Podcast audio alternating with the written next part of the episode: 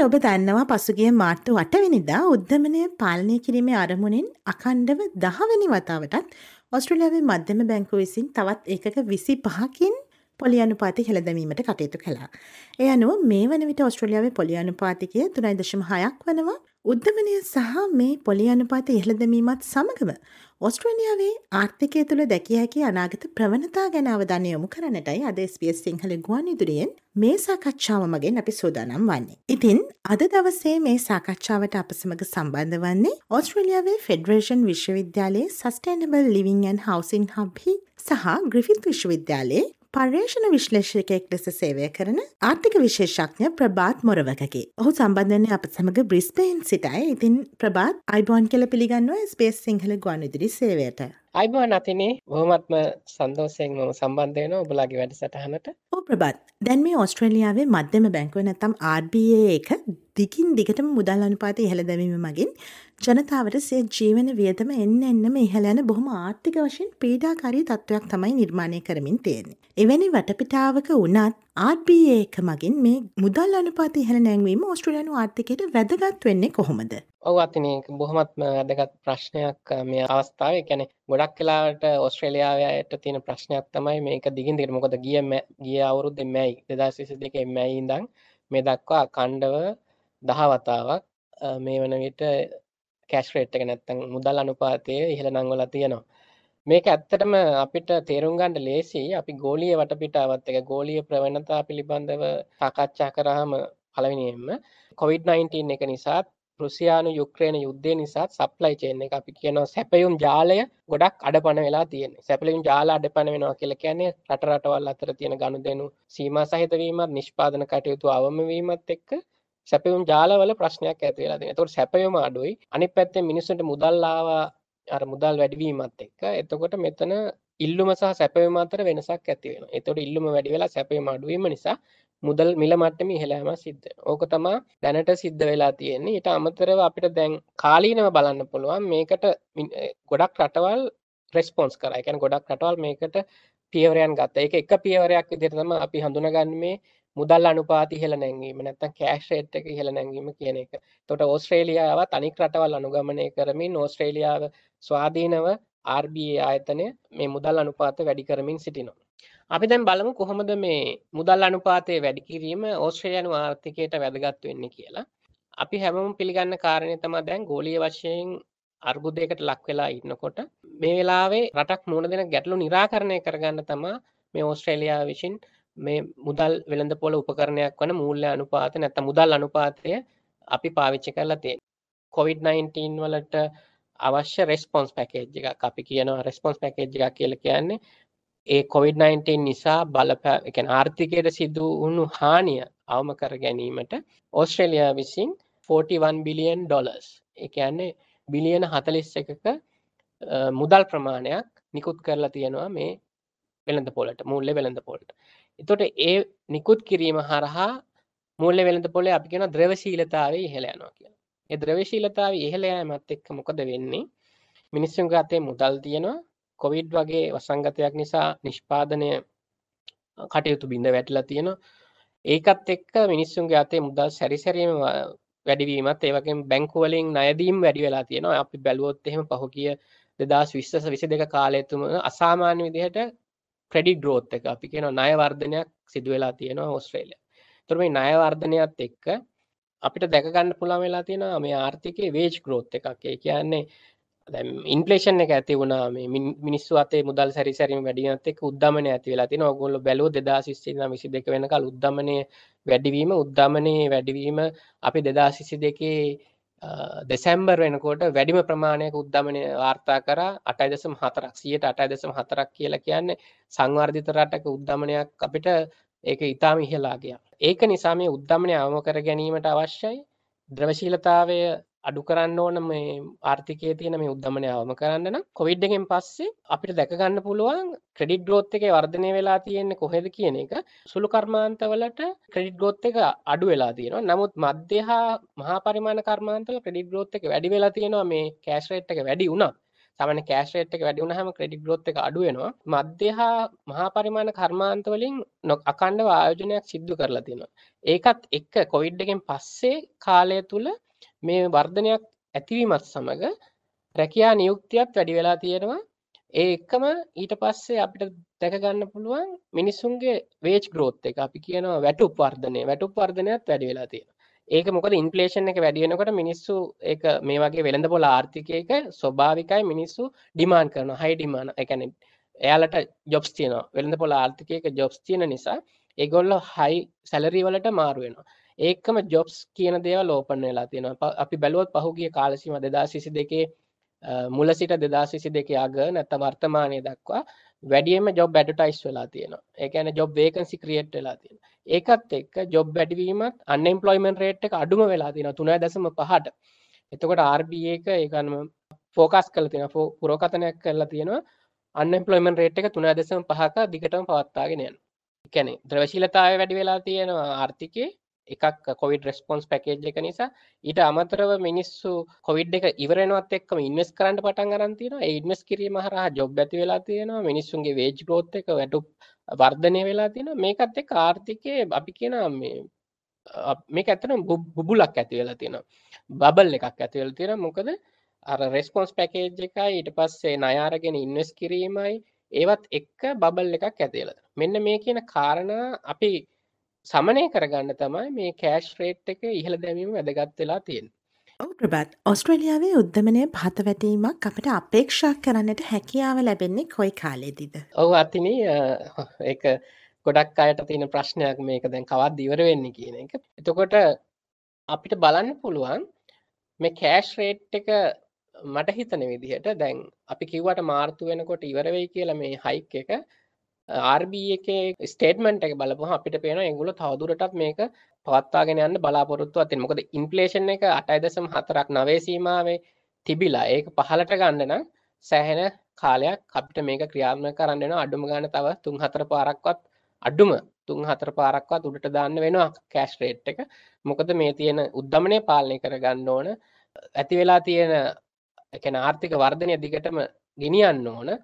අන්එම්ප්ලොයිමන්ට් rate එක 3.5ක පවත්වාගෙන යන්න ඕනේ වේජ් ග්‍රෝත් එකට අපි අත නොතියා අන්එම්ප්ලොයිමන්ට් එකට අත නොතියා ඉන්ෆ්ලේෂන් එක කන්ට්‍රෝල් කර ගැනීමට ඉන්ට්‍රෙස්ට් රේට් එකේ යම්කිසි වර්ධනයක් අපිට බලන්න සිද්ධ වෙනවා. ඔක තමයි මේ අවස්ථාවේ RBA එක නැත්තම් මධ්‍යම බැංකුව ඕස්ට්‍රේලියා මධ්‍යම බැංකුව විසින් අනුගමනය කරගෙන ආර්ථික ප්‍රතිපත්තිය. ඔව් ප්‍රභාත් ඕස්ට්‍රේලියාවේ මධ්‍යම බැංකුව මගින් පොලි අනුපාත ඉහළ නැංවීමත් සමගම ඔස්ට්‍රලයානු ආර්ථිකය තුළ අපට දැකිය හැකි ප්‍රවණතා මොනවද. ඕ අතිනය තවත් හොඳ ප්‍රශ්නයක් ඇත්තට මේක තම ගොඩක්ම බලාගෙන ඉන්න මොකක්ද මේකෙන් ඉස්සරහට වෙන්න පුළුවන් සහ වෙන්න වෙමින් පවතින්න මොකක්ද කියන එක. ඕස්ට්‍රේලියාව සාමාන්‍ය හවසිම් මාකට් එක කියලා කියන්නේ ප්‍රධාන වෙළඳ පොලක් ඕස්ට්‍රේලියාව තියෙන වෙල්ත් එකෙන් සියට පනස්සත්තක් සරලව නිවාස. තොර මේ නිවාසවට ලොකු බලපෑමක් සිද්ධ වෙලා තියෙන මෑතකද අපි දැක්ක වැඩිම ඩික්ලයින් එක සියට දහයිනම් දාහතර වගේ වෙනකල් වැලිුව එක බැහල තියෙනවා. ඒක එක හේතුව මොකද අපි නයක් ගන්න යනකොට අපිට රේට් එක වැඩි. එතකොට දැන් උදාහරණයක් විදිහට අපේ මෝගේජ් රේට් එක දැන් ලක්ෂ පහක වගේ නිවාසයක් ගත්ත පුද්ගලයකුට දැන් මෝගේජ් එක ගෙවනකොට තව වැඩිපුර ඩොලර් දාහක් විතර ගෙවන්න වෙලා තියෙනවා. එකන්නේ මේ කාලසීමාව ඇතුළත එක ඇස්රේට් එක වැඩවීම නිසා. ඒක නිසා මිනිස්සු නව මිලදී ගැනීම් නවත්තලා තියෙනවා. කන්ස්ට්‍රක්ෂන්ස් අඩු වෙලා තියෙනවා. ඒකත් එක්ක හවසින් සප්ලයි එක ටිකක් අඩු වෙලා තියෙනවා. නමුත් අපිට දැකගන්න පුළුවන් වෙලා තියෙනවා මේ කොවිඩ් එකෙන් පස්සේ ආර්ථිකය විවෘත කිරීමත් සමග මයිග්‍රේෂන්ස් වැඩි වෙලා තියෙනවා. මිනිස්සු මෙහෙට එන ප්‍රමාණය වැඩි වෙලා තියෙනවා. ස්ටුඩන්ට්ස්ලා වැඩි වෙලා තියෙනවා. ඒකත් එක්ක මෙතන අපිට දැන් හවුසස් මදි වෙලා තියෙනවා දැන් උදාහරණයක් විදිහට වේකන්සි රේට් එක කියලා කියන්නේ නිවසක් වේකන්සි වෙන ප්‍රමාණයක් තියෙනවා ඒ රේට් එක සෑහෙන අඩු වෙලා තියෙනවා අපිට නිවසක් කුලියට ගන්න ගියාම සෑහෙන ප්‍රශ්නයක් මුණම දෙනවා අපිට හොයාගන්න නැහැ. ඒතර කුලියට ගන්නකොට අපිට සෑහෙන ප්‍රශ්නයක් කළා රෙන්ට් එක වැඩි වෙලා තියෙනවා.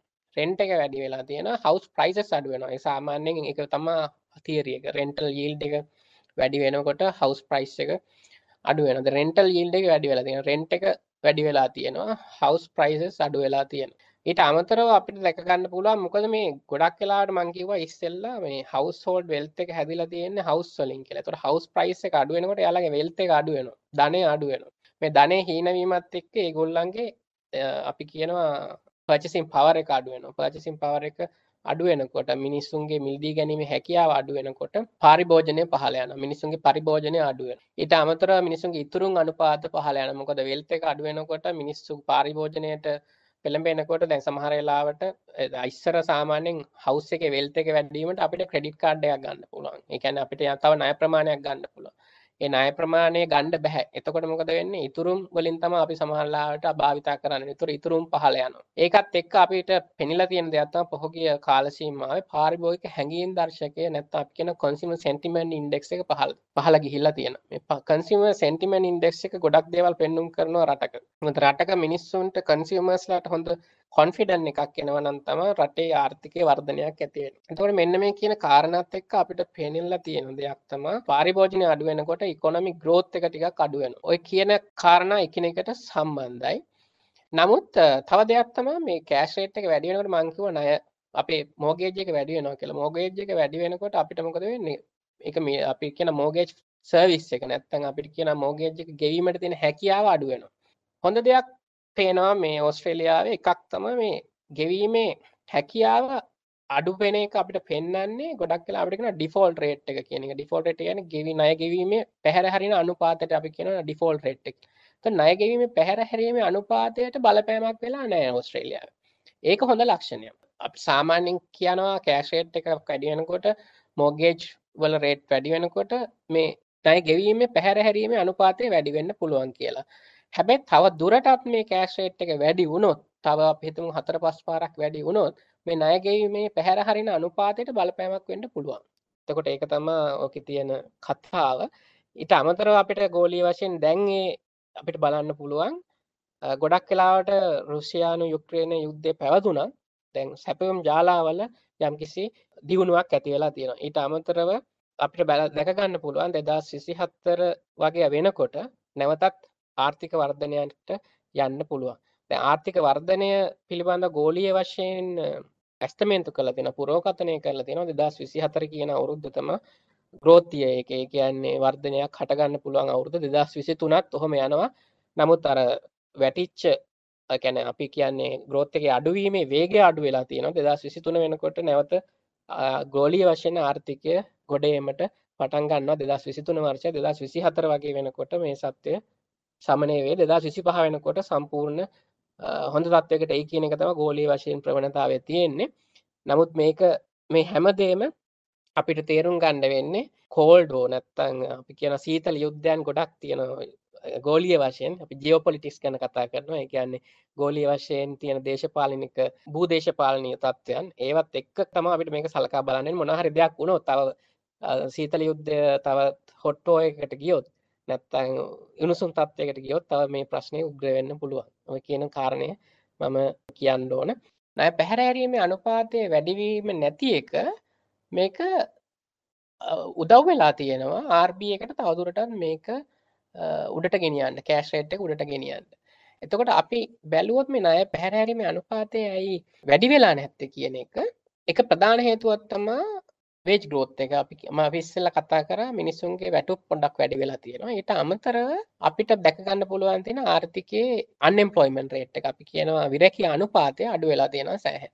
මේ විරැකී අනුපාතය අඩුවීමත් එක්කත් වේජ් ග්‍රෝත් එකේ නැත්තම් වැටුප්වල වර්ධනයක් තියෙන නිසා තමයි මේ අපි කියන්නේ ණය පැහැර හැරීමේ අනුපාතය වැඩි වෙලා නැත්තේ.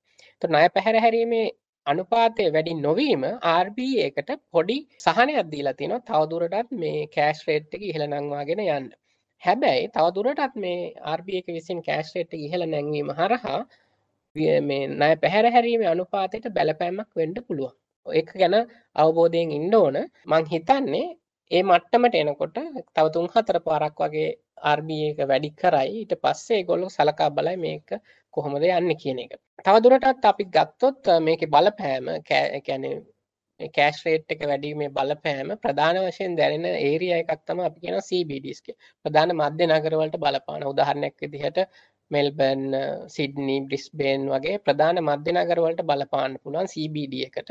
විශාල වශයෙන් ඊට අමතරව අපිට පෙනිලා තියෙනවා මේකේ බලපෑම ටිකක් අඩු වෙලා තියෙනවා රීජනල් ඒරියාස් වලට යනකොට ප්‍රධාන මධ්‍ය නගර වලට වන බලපෑමම රීජනල් ඒරියාස් වලට වෙලා නැහැ රීජනල් ඒරියාස් වල යම්කිසි දියුණුවක් ඇති වෙලා තියෙනවා පහුගිය කාල සීමාවේ සරලව කිව්වොත් මේ ආර්ථිකයේ උඩල් අනුපාතය වැඩි කිරීම හරහා මොකද වෙලා තියෙන ආර්ථිකයේ යම්කිසි හැකිලීමක් ඇති වෙලා තියෙනවා. මේක තමයි සරලවම වෙන්නේ. අපි ගත්තොත් මේකේ හොඳ ලක්ෂණ කීපයක් අපිට දක ගන්න පුළුවන්. විනිමය අනුපාත ශක්තිමත් වෙලා තියෙනවා. දැන් උදාහරණයක් විදිහට මෙහි රේට් එක කෑෂ් රේට් එක වැඩි වෙනකොට ඉන්ට්‍රස්ට් රේට් වැඩි වෙනකොට විදේශ ආයෝජන වැඩි වෙන්න පුළුවන්. එතකොට ඒ හරහා අපේ විනිමය අනුපාතය ශක්තිමත් වෙන්න පුළුවන්. ඊට අමතරව පේන හොඳ ලක්ෂණයක් තමයි ණය වර්ධනය යම්කිසි අඩුවීමක් වෙලා තියෙනවා. මොකද 2020 22 කාලේ මම ඉස්සෙල්ලා සඳහන් කරපු පරිදි වැඩිම ණය වර්ධනයක් පෙන්눔 කරලා තියෙන කාලයක් තමයි 2020 22 කාලය.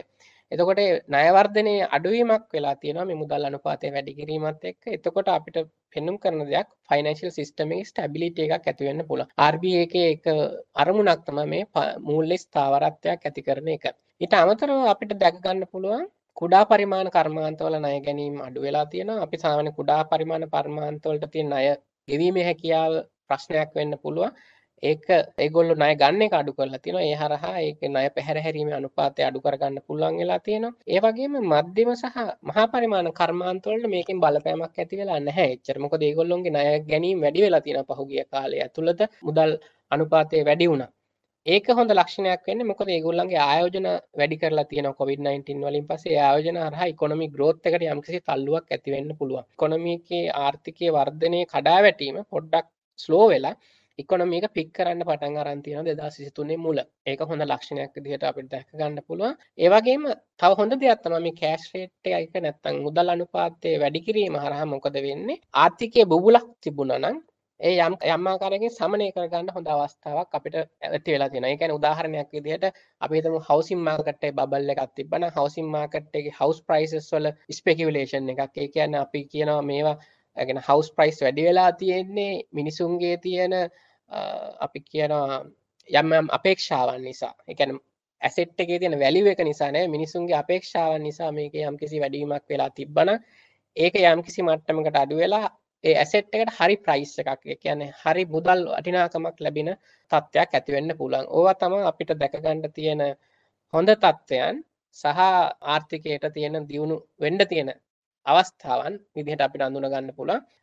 කෑෂ් රේට් එක වැඩිවීම ඔස්ට්‍රේලියානු ආර්ථිකයට යම්කිසි මට්ටමක අපි කියනවා ධනාත්මක තත්ත්වයන් ඒ වගේම හොඳ අවස්ථාවන් ඇති කරලා තියෙනවා කියන එක දැක ගන්න පුළුවන් දෙදා සිස්තුනේ මුල් අවදියේ සිදුවන ආර්ථික දත්තවලින් අපිට පෙන්නුම් කරන්නේ අනුපාත වැඩි කිරීම හරහා ආර්ථිකයට යම්කිසි ධනාත්මක ස්වරූපයක් ලැබිලා තියෙනවා කියන ඔවු අද දවසේ අපි කතාබහ කරමින් සිටියේ මේ උද්ධමනය සහ පොලි අනුපාතය ඉහළ දැමීමත් සමගම ඔස්ට්‍රලියාවේ ආර්ථිකය තුළ දැකගත හැකි අනාගත ප්‍රවණතා ගැන. ඉතින් අද දවසේ මේ සාකච්ඡාවට අප සමඟ සම්බන්ධ වනේ බ්‍රිස්පේන් සිට ෆෙඩරේෂන් විශ්වවිද්‍යාලයේ සහ ග්‍රිෆිත් විශ්වවිද්‍යාලයේ පර්යේෂණ විශ්ලේෂකයෙක් ලෙස සේවය කරන ආර්ථික විශේෂඥ ප්‍රභාත් මොරවකගේ.